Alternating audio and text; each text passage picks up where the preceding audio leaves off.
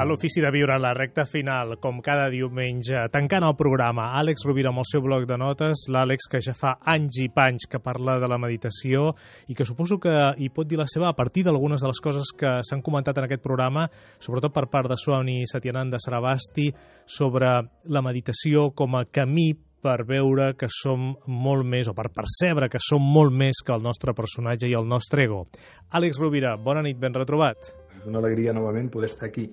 Jo de tot el que s'ha dit, de tot el que s'ha dit avui, em venien al cap dues idees. Primera, recomanar un llibre que es diu Budisme Zen i Psicoanàlisi, que es va escriure fa molts anys i que el van escriure el mestre Suzuki i Eric Fromm. Perquè en aquest llibre ens ajudava a veure aquestes dues grans persones els beneficis comuns que tenia la meditació i el psicoanàlisi ben fet. I m'explicaré.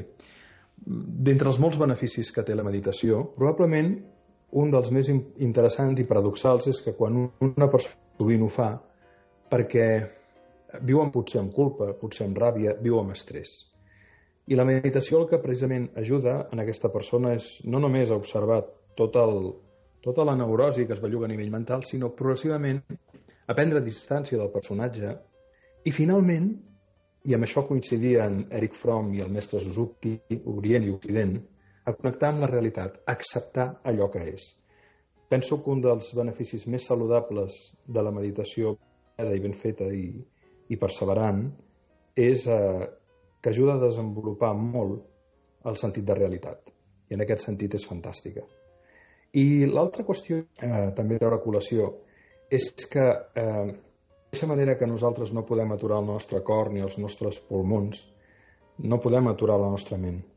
Però la meditació ens ajuda molt a observar el mecanisme mental, el mecanisme sobretot de conceptualització, que ens allunya de la realitat. Paradoxalment ens ajuda a gestionar-la, conceptualitzar, però per altra banda, a la mesura que etiquetem tot allò que ens envolta, perdem la innocència, perdem la mirada innocent, que diria Jean Klein, que ens permet viure en una plenitud i tornem al que dèiem abans, que acceptar allò que és. Parlant de la meditació amb sempre matisos nous i absolutament enriquidors que t'agraïm molt. Àlex, moltes gràcies, que tinguis molt bona nit i molt bona setmana. Moltes gràcies, Gaspar. Una abraçada a tots. Els oients també una forta abraçada. Fins dissabte a través d'internet a catradio.cat i diumenge en aquesta hora l'antena de Catalunya Ràdio. Bona nit.